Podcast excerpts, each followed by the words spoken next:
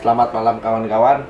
Saya sekarang ada di kos-kosan saya. Eh, saya sekarang sedang berada bersama kawan Venda yang mana dia itu saat ini aktif dalam eh, oh ketika mahasiswa S1 dia aktif di LPM atau lembaga pers mahasiswa Balairung UGM. Hmm. Nah, sekarang apa itu selama dia berproses dalam perkuliahan, dia itu membahas tentang pergulatan kaum frontier atau kaum yang berada di garis depan perbatasan Indonesia.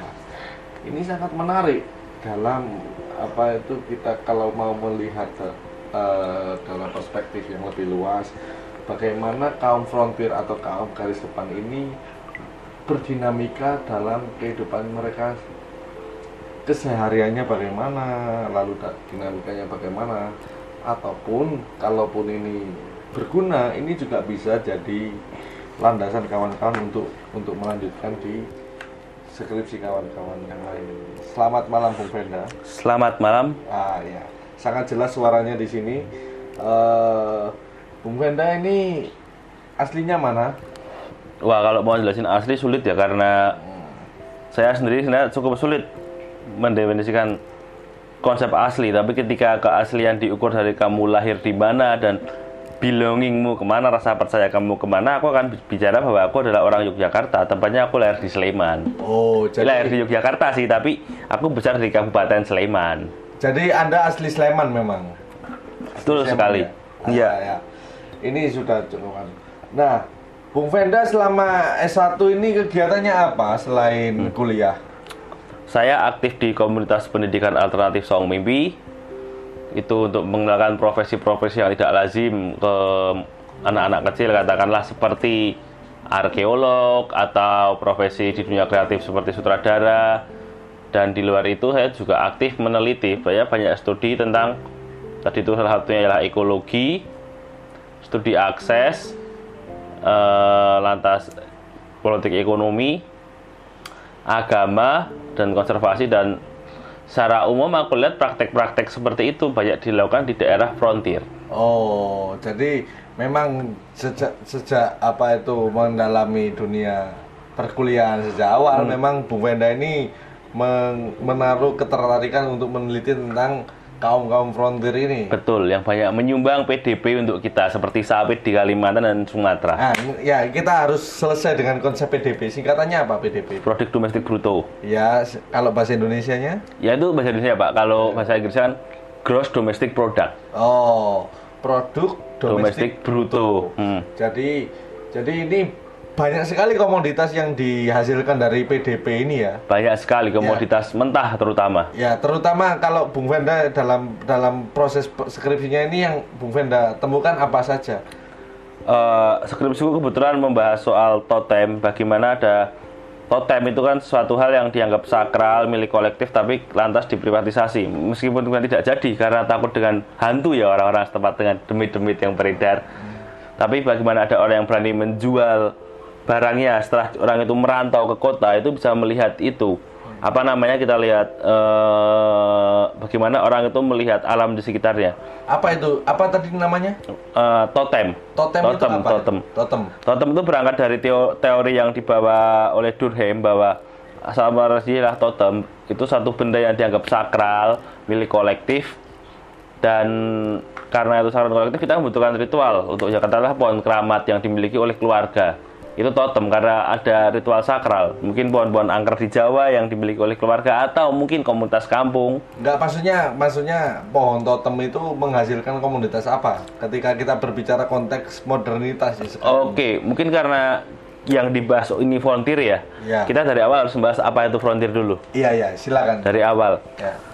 Eh, konsep frontier itu pertama diintroduksi oleh Jackson Turner, salah seorang ilmuwan Amerika kulit putih sekitar mungkin dekade dekade abad 19 akhir.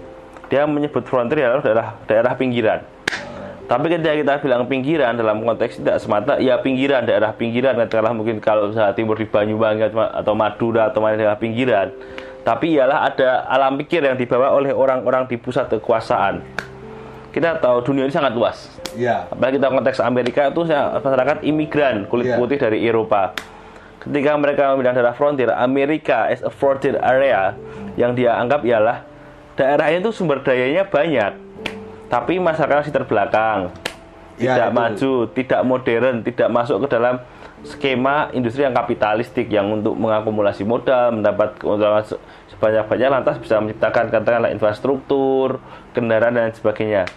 Oleh sebab itu eh, ada perasaan superior dan di antara mereka ketika melihat wah orang Amerika Indian ini ini terbelakang dan bla bla bla bla aku harus memajukannya memajukannya yang dimaksudkan memajukan ya akumulasi kapital Ya. saja orang lebih kaya lebih makmur lebih sejahtera Ya. dengan cara eh, memajukan dalam tanda kutip daerah tersebut memajukan dan maka datang ke sana menciptakan standarisasi yang sesuai dengan standar Eropa kulit putih pada waktu itu Pada waktu itu. Tahun Pa- berapa itu kira-kira?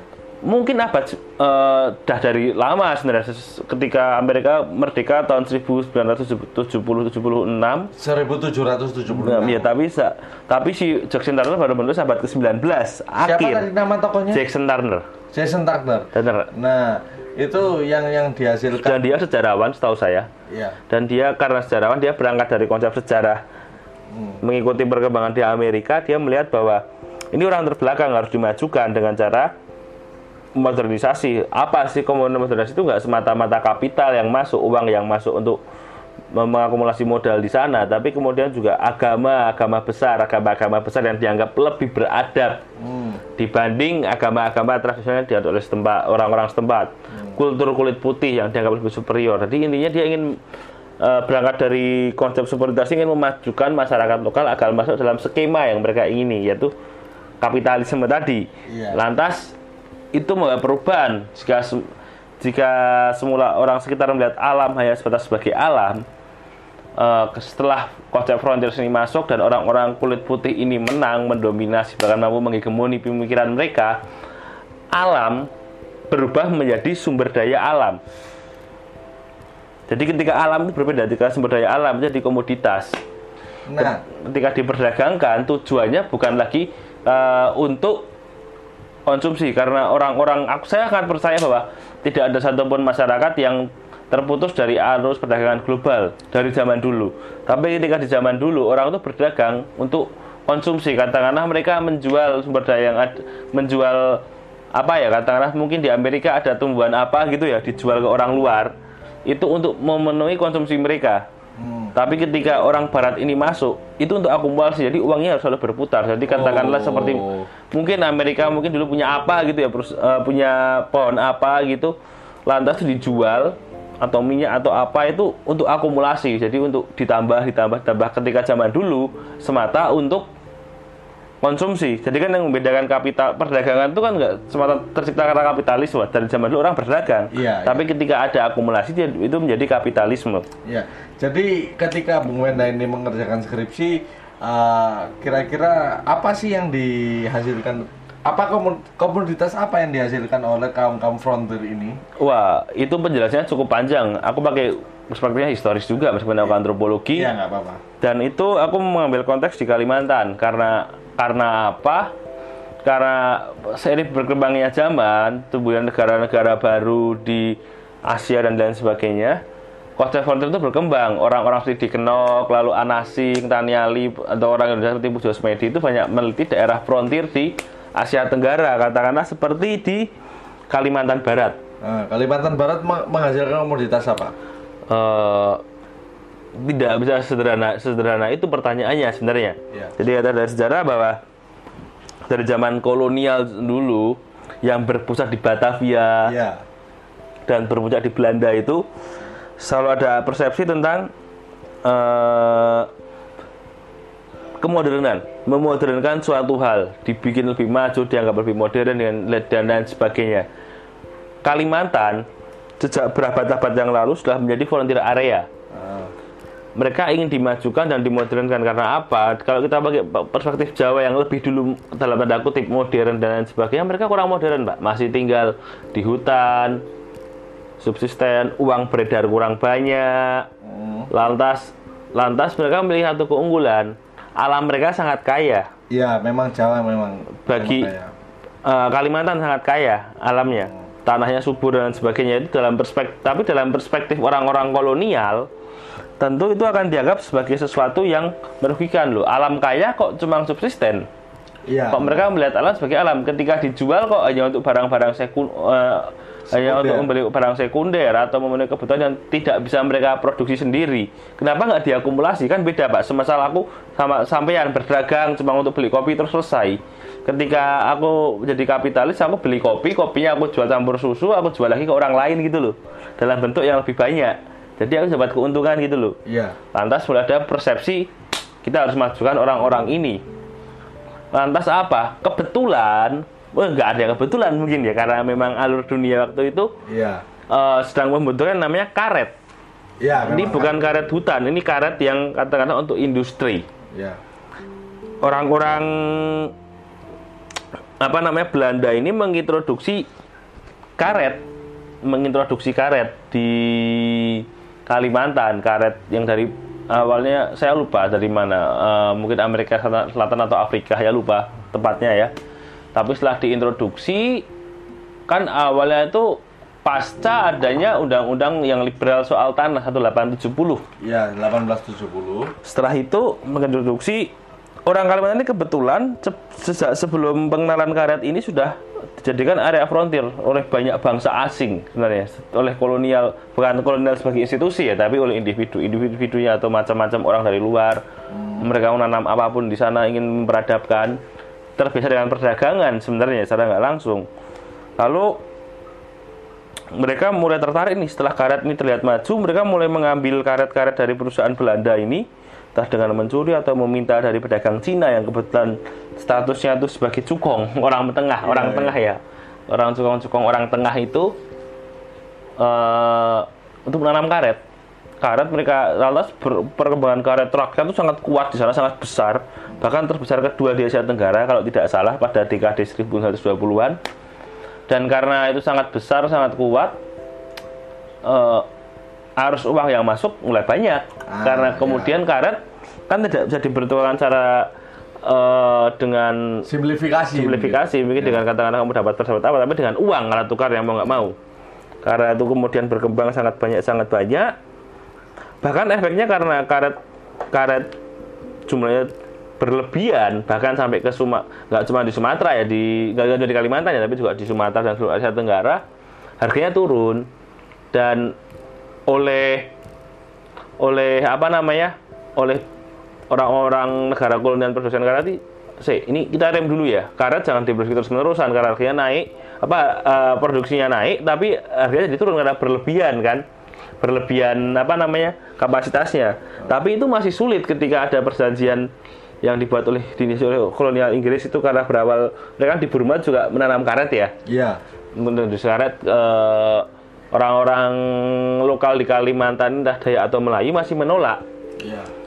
Kemudian 1930 itu ada yang namanya depresi global, harga-harga semua turun, Malaysia. Malaysia. Nah, akhirnya mereka mau oke, karet kita stop, kita hentikan. Ini ada pilihan rasional dari mereka.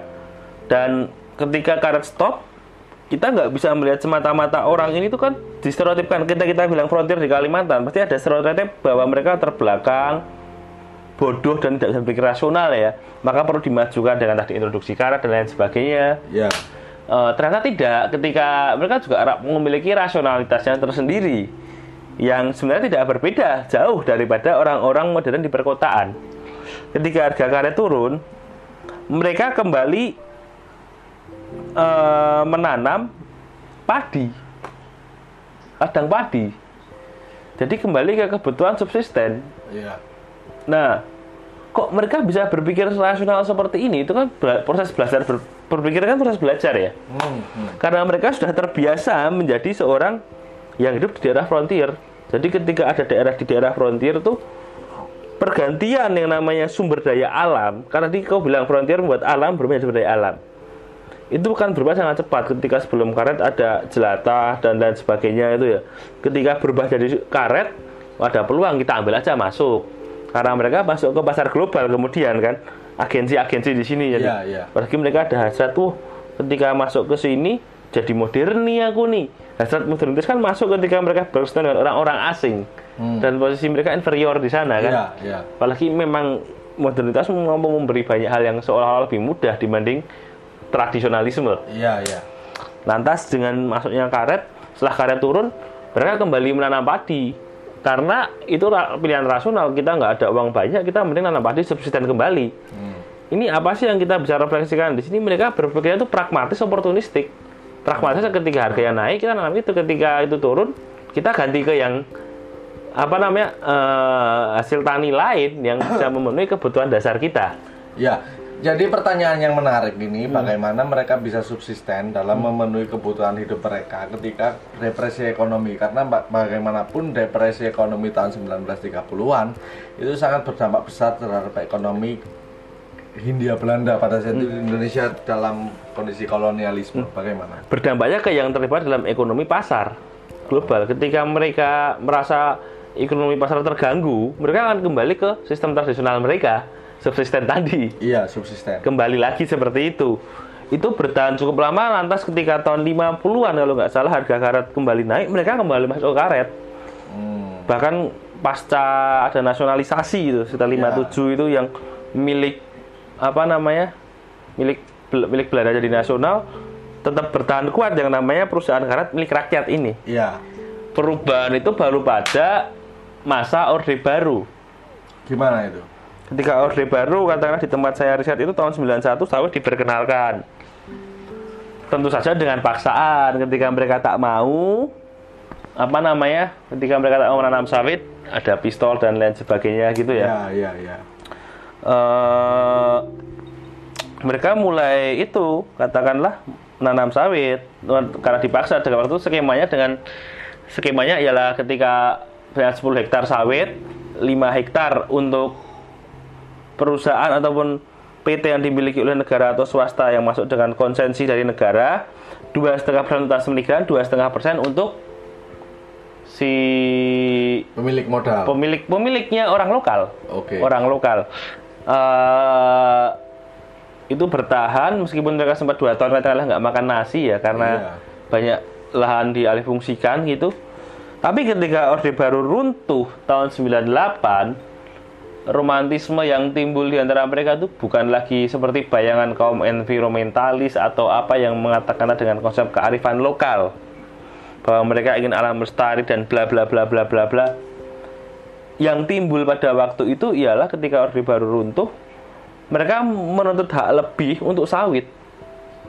Hak lebih. akses. Jadinya kan negara lemah ya Orde Baru runtuh. Iya. karena mau nggak mau kan mereka udah terintegrasi dengan pasar dan integra- terintegrasi dengan pasar yang mereka inginkan ialah keuntungan yang lebih bagi mereka Iya. bagi mereka ketika sawit ini tidak menguntungkan ya udah bahkan tanaman karet yang katakanlah lebih pro lingkungan dalam tanda kutip ya dibanding Iya. sawit karena tidak menyerap banyak air dan lain sebagainya banyak yang mulai ditinggalkan mereka mulai mengakumulasi lahan sawit yang mereka miliki Nah, sepengetahuannya Bung Venda ini, apakah bagaimana sih kualitas karet yang yang dihasilkan dari perkebunan rakyat yang seperti Bung Venda sebenarnya cukup utarakan? cukup bagus nantinya laku juga kan Ya. ya, laku juga kan tapi Hmm. sebenarnya poin yang paling penting kalau aku lihat bukan di situ lagi tapi kita lihat bagaimana mereka bersikap pragmatis oportunistik lagi Iya. ketika melihat zaman dalam struktur mereka yang lemah dalam konteks ekonomi global mereka kan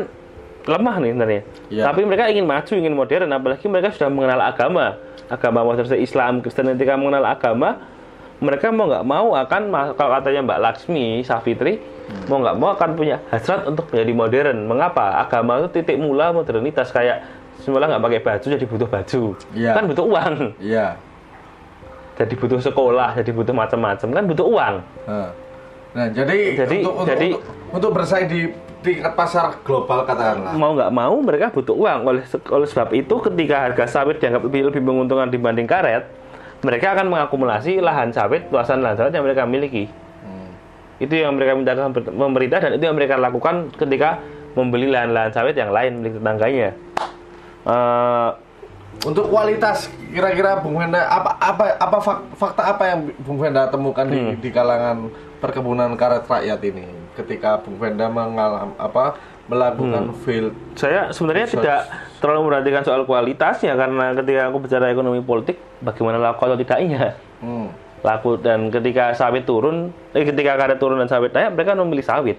Nah. Itu pilihan rasional meskipun mereka juga masih punya enklave-enklave di sekitarnya ya, enklave yang tanami karet untuk jaga-jaga ketika harga sawit turun. nah Itu kan berarti menunjukkan bahwa mereka sangat rasional. Nah, maksudnya dalam artian untuk untuk perkembangan industri karet di Kalimantan ini, Hmm. apakah ada sebuah tanda kutip tujuh setan desa seperti yang dikatakan Aidit ini itu menguasai di kalangan masyarakat petani karet pada saat itu, Bung Venda? Sifatnya sana katakanlah orang-orang middleman ya yang disebut tengkulak gitu namanya itu. Iya, Itu membentuk aliansi patron klien dengan orang-orang lokal. iya. patron klien. Aku mau terlalu jauh sampai ke tujuh setan desa. Belum berani ketika kamu punya lahan banyak, mungkin nggak akan mereka nyebut mereka setan desa, tapi ketika lahanmu dikit mungkin akan nyebut mereka setan desa di sana ya. Iya. Tapi eh, yang perlu ditekankan di sini adalah fro- frontierism itu kemudian membuat mentalitas orang menjadi pragmatis oportunistik karena tidak mau tidak mau struktur yang diciptakan akan seperti itu bayangkan ketika komoditas dikenalkan dari luar masuk uang banyak lalu diakumulasi karena mereka sudah terlanjur nih terintegrasi, dengan pasar Iya. dan eh, kan masuk ke pasar tuh menawarkan kenikmatan ya entah, Ya, benar. entah semua atau tidak gitu semua dianggap dianggap kamu terbelakang apa mereka jadi setara dengan orang-orang di perkotaan jadi mau nggak mau mereka memilih mau nggak mau mereka memilih itu karena itu dianggap pilihan yang paling rasional dibanding kamu kembali distribusi sistem juga sulit kan Iya. nah lantas ya itu yang kamu pilih ketika itu lebih menguntungkan kan kamu pakai tapi kamu juga masih jaga-jaga dengan tadi ada enclave enclave Iya. tertentu. Kemudian tuh karena pengaruhnya ialah bagaimana kamu melihat alam di sekitarmu. Dalam konteks ini ialah eh, ketika daerah di frontier karena orang-orang luar dan kemudian berhasil dalam tanda kutip menang menghadapi orang lokal mempengaruhi entah dengan cara halus Hmm. ataupun kasar untuk masuk ke modernitas, alam akan berubah jadi sumber daya alam Iya. dalam konteks risetku kemarin ketika aku menghadapi totem. Jadi ada sana konteksnya ada, ada salah satu pohon tapang yang dianggap suci yang dianggap tidak suci dianggap banyak hantunya angker dan butuh ritual untuk naik ke atasnya. Milik komunal ada salah satu anggota keluarga yang sudah merantau ke kota di Sanggau. Dia ini dari Meliau asalnya kecamatan gitu ya. Itu menjual itu. Ada nggak sih sebuah sebuah perubahan sosial yang diakibatkan dari apa itu menjamurnya perkebunan karet di kali perkebunan karet rakyat di kalangan di perkebunan Kalimantan pada saat Bung Venda melakukan oh, penelitian. ketika aku udah jadi sawit. Eh, ya, itu udah sangat berbeda. Tentu dari dulu masih banyak yang bisa hidup subsisten ya, berburu atau lain sebagainya. Sekarang mau nggak mau harus membeli ya, beras juga dan sebagainya. Tapi ya mereka menjadi itu kemudian apa namanya satu sisi memuja kemajuan satu sisi merindukan romantisme masa lalu. Kayak dia banyak bilang wah enak bang ada sawit sekarang. Bisa sekolah ada jalan dibangun ada rumah sakit rumah sakitnya itu puskesmas dan lain sebagainya gitulah. Tapi kalau dulu nggak tapi dulu itu semua bisa gratis bang. Sekarang harus beli. Jadi kan ada ya, kamu melihat logika berpikir yang mereka mainkan itu seperti itu. Dan di luar itu bukan frontierisme juga mendatangkan masalah karena ketika frontierisme mengatakan ada komoditas baru yang dikenalkan oleh sesuatu oleh kekuasaan yang lebih dominan. Dengan juga kekuasaan dengan budaya yang berbeda, tradisi yang berbeda. ya, Mereka kan butuh legitimasi, undang-undang ataupun apa gitu. Itu kadang-kadang bertentangan dengan hukum-hukum adat yang dipercayai oleh orang lokal. Dan itu akan memecah. Orang-orang lokal kadang yang ingin masih merasa wah ini peluang buatku nih. Akan percaya hukum baru ini. Nah, yang apa, apa, yang lain akan tahu oh, hukum lama masih berguna. Apa apa konsekuensi hukum adat yang dilanggar oleh kawan-kawan Ya, karet pada Terpe- ter- Kalimantan? terpecah. Aku yeah. sawit ya terpecah mau nggak mau. Tapi Ya. Ya konsekuensi masuknya model kan seperti itu. Itu semua orang yang belajar ilmu sosial harusnya sudah tahu kan. Eh, tapi yang menarik dari skripsiku sebenarnya ialah di tengah masifnya arus kom- komoditas baru dan neoliberalisme dari sawit dan lain sebagainya ya masih ada kosmologi lama yang bertahan di sana. Apa itu contohnya? jadi ketika orang Indonesia itu masih tidak bisa membedakan alam bawah dan alam atas tidak sekuler, orang barat. Jadi masih bersatu dalam tanda kutip. Orang atas orang DM itu kayak menganggapnya sebagai semangat dan lain sebagainya ya. Ya. ketika aku pohon tapang madu itu dijual oleh orang yang sudah merantau karena tentu saja sudah putus orang merantau itu putus keterikatan kultural dengan warga lokal ya karena dia nggak pernah balik ke kampung dan lain sebagainya. Diprivatisasi dia mau menjualnya pohon tapang itu dianggap banyak hantunya. Ada nih yang beli orang lokal juga tapi dia nggak berani nebang sendiri coba. Ya. dia nebangnya nyuruh orang lain dan orang lain tuh nggak berani. Alasannya itu satu kamar bakal kena kutuk dan satu kamar kena kutuk. Ketika dipotong sinsonya mati alat untuk potongnya itu ada merah-merah keluar dari pohon itu. Jadi kita kalau pakai logika mistik tentu boleh saja sah-sah saja untuk percaya bahwa itu angker memang pohonnya. Ya. tapi ternyata di, di balik itu kita masih bisa melihat bahwa untuk konteks pohon tapang ini ternyata meskipun mereka berhasil dalam tanda kutip melakukan ada orang yang berani memprivati- memprivatisasi dan dia sudah ti- tinggal di sana berarti kan sudah lepas dari jejaring jejaring makna yang diciptakan oleh warga lokal kan? Ya. jejaring makna. Tapi orang-orang yang masih terikat dengan jejaring makna itu masih nggak berani gitu loh menebang itu nyatanya. Hmm. dia yang membeli ini nyari orang-orang sulit loh. Kenapa dia nggak nebang sendiri? Orang dia juga punya kemampuan untuk itu sebenarnya dari kerja dia di tambang tambang emas dan lain sebagainya ya. Tapi ternyata ternyata bahwa meskipun frontierisme itu membuat agensi orang-orang lokal ini bersikap katakanlah pragmatis oportunistik tapi dalam dalam konteks tertentu katakanlah untuk pohon-pohon yang dianggap sakral dan itu milik keluarga ada wacana ten- yang sebenarnya wacana bahwa ketika ditebang ada musibah dan banyak orang bersepakat dengan itu nggak cuma satu dua orang tapi banyak orang bersepakat dengan itu ternyata takut juga Ya berapa? Kira-kira waktu apa proses modernisasi di Kalimantan Barat pada saat itu ketika mengalami industrialisasi, berapa lahan yang yang, yang dialokasikan untuk melebarkan sayap ekonomi? Wah, banyak sekali. Aku nggak mau bilang itu industrialisasi karena yang dia jual komoditas mentah, bukan komoditas katakanlah setelah sawit atau diolah jadi minyak atau karet diolah jadi ban gitu ya. Ya. India Belanda dan sampai ke Indonesia selalu menjadi penjual komoditas mentah Sampai sekarang itu ya. sampai sekarang. Ya. Sayang sekali sebenarnya Sayang sekali. sampai sekarang. Nah, Tapi ya pada akhirnya ketika aku lihat, aku kalau sawit lupa data deskripsiku lupa ada berapa banyak. Ketika karet lupa, Ya. tapi ketika sawit bisa di googling. ya. Rencana dari pemerintah itu bahkan melebihi, nggak masuk akal sebenarnya melebihi lu- luasan provinsi Kalimantan Barat. Wow. Jadi Tapi untuk- sekarang juga sangat banyak untuk sawit. Jadi kan kita lihat bagaimana akumulasi yang tercipta di sana bahwa imajinasi yang terciptakan untuk maju modern dan menghadirkan mentalitas pragmatis oportunitis gitu nggak cuma karena banyak sawit-sawit yang dimiliki oleh rakyat juga ditambah oleh mereka sendiri. Jadi- Apalagi yang dari pemodal. Kalau kita bicara soal perkebunan sawit ini kan sangat banyak konflik yang, di, yang dihasilkan oleh Ya, perkembangan perkebunan sawit.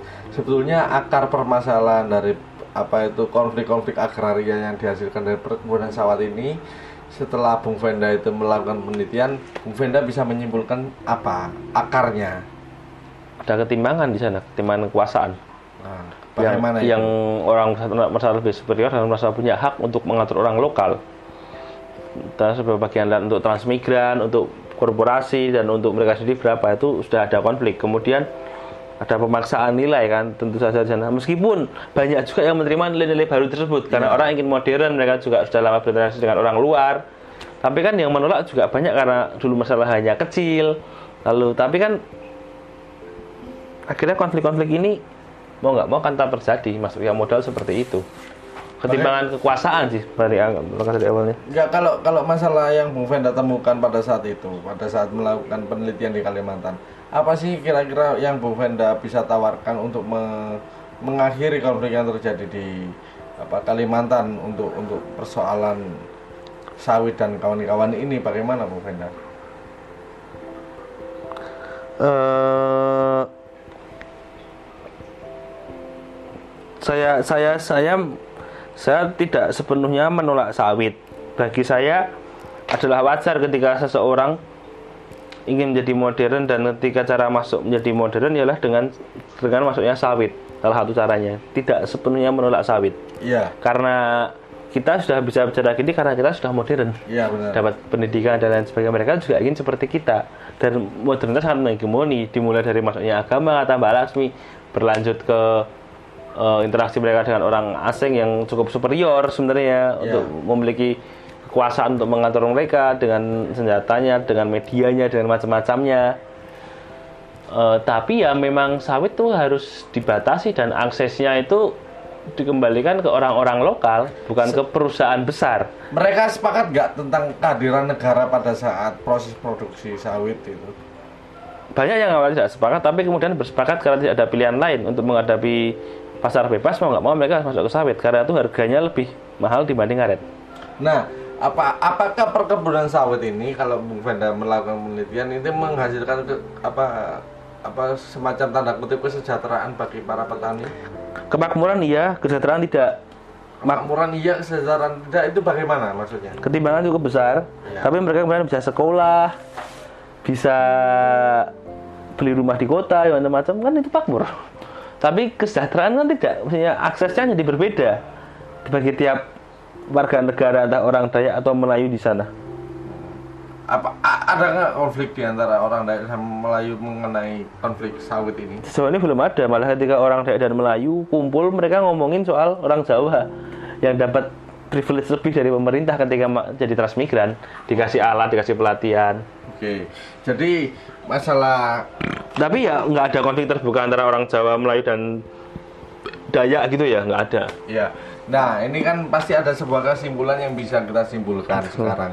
Nah, menurut Bung Venda ini kira-kira apa yang harus dilakukan pemerintah untuk me- men- memecahkan masalah yang Bung Venda temukan di saat ini? Pertama kan pemerintah sebenarnya sudah mulai mem- membatasi sawit ya, udah ada kebijakan itu.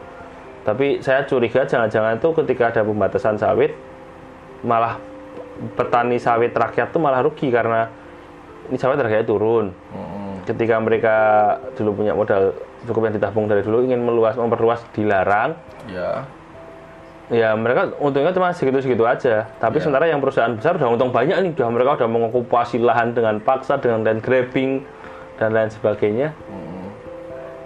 Tapi malah ketika dibatasi tetap untung dan mereka. Mereka bisa modalnya dibagi buat usaha-usaha lain. solusi konkretnya?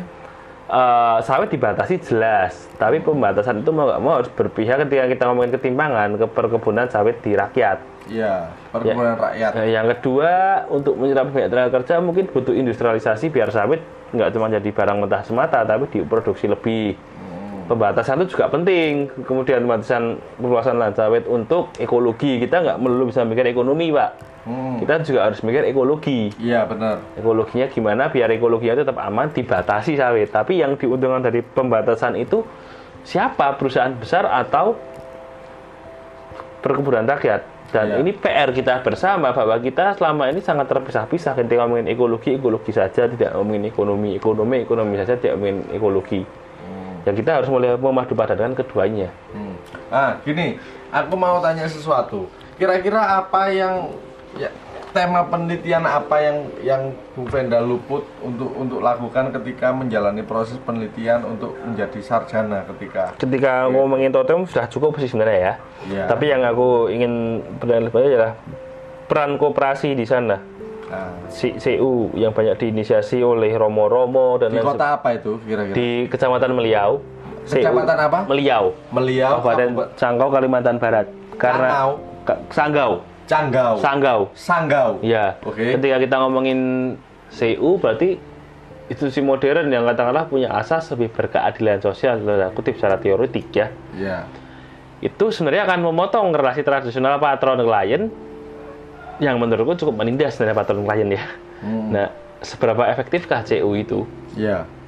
Nah, itu kira-kira kira-kira untuk untuk pendengar podcast saya selanjutnya ini apa yang eh, apa yang bisa mereka lakukan untuk untuk melengkapi proses penelitian yang sudah Bung Venda lakukan. Googling Credit Union West Kalimantan PDF. Heeh, lalu, Lalu mencari tahu peran CU ini apa sih kan CU ini institusi modern beda dengan patron klien yang tradisional. ini belum diteliti sama sekali. Sudah banyak saya, tapi aku ingin tahu lebih soal ini. Ya, maksudnya Karena itu jadi orang-orang yang semula sangat tergantung ke patronnya bisa dapat malah bisa jadi patron baru atau dapat modal lebih banyak tanpa relasi patron klien atau mungkin membentuk patron klien baru kita nggak tahu kan dengan modal yang dari CU yang dari uangnya uang si petani A, petani B, petani C itu gimana?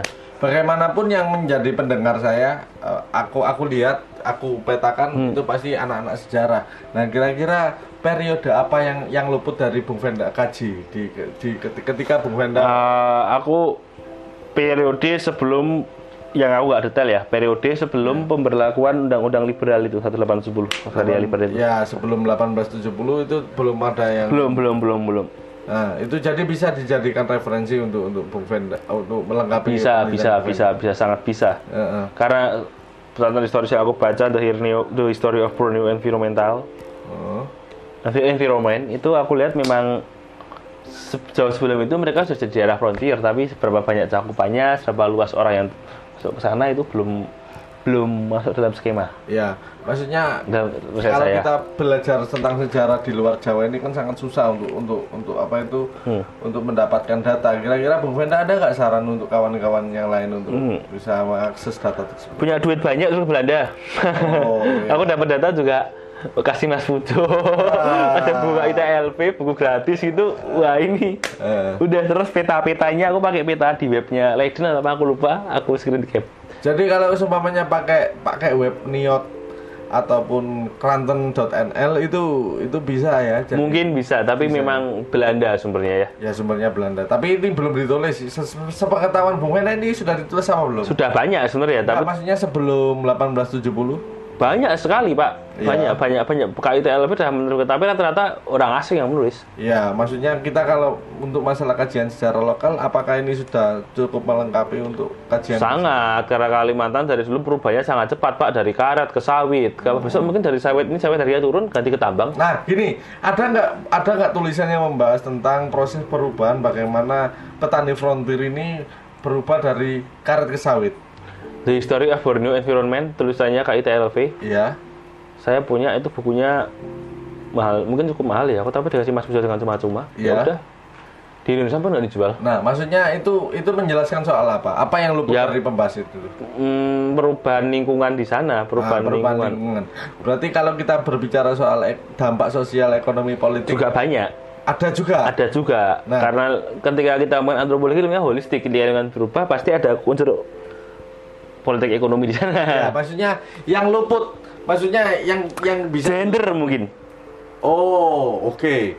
Berarti tidak ada yang men- men- mengkaji soal setahu saya masih kurang masih kurang tentang gender. Ya.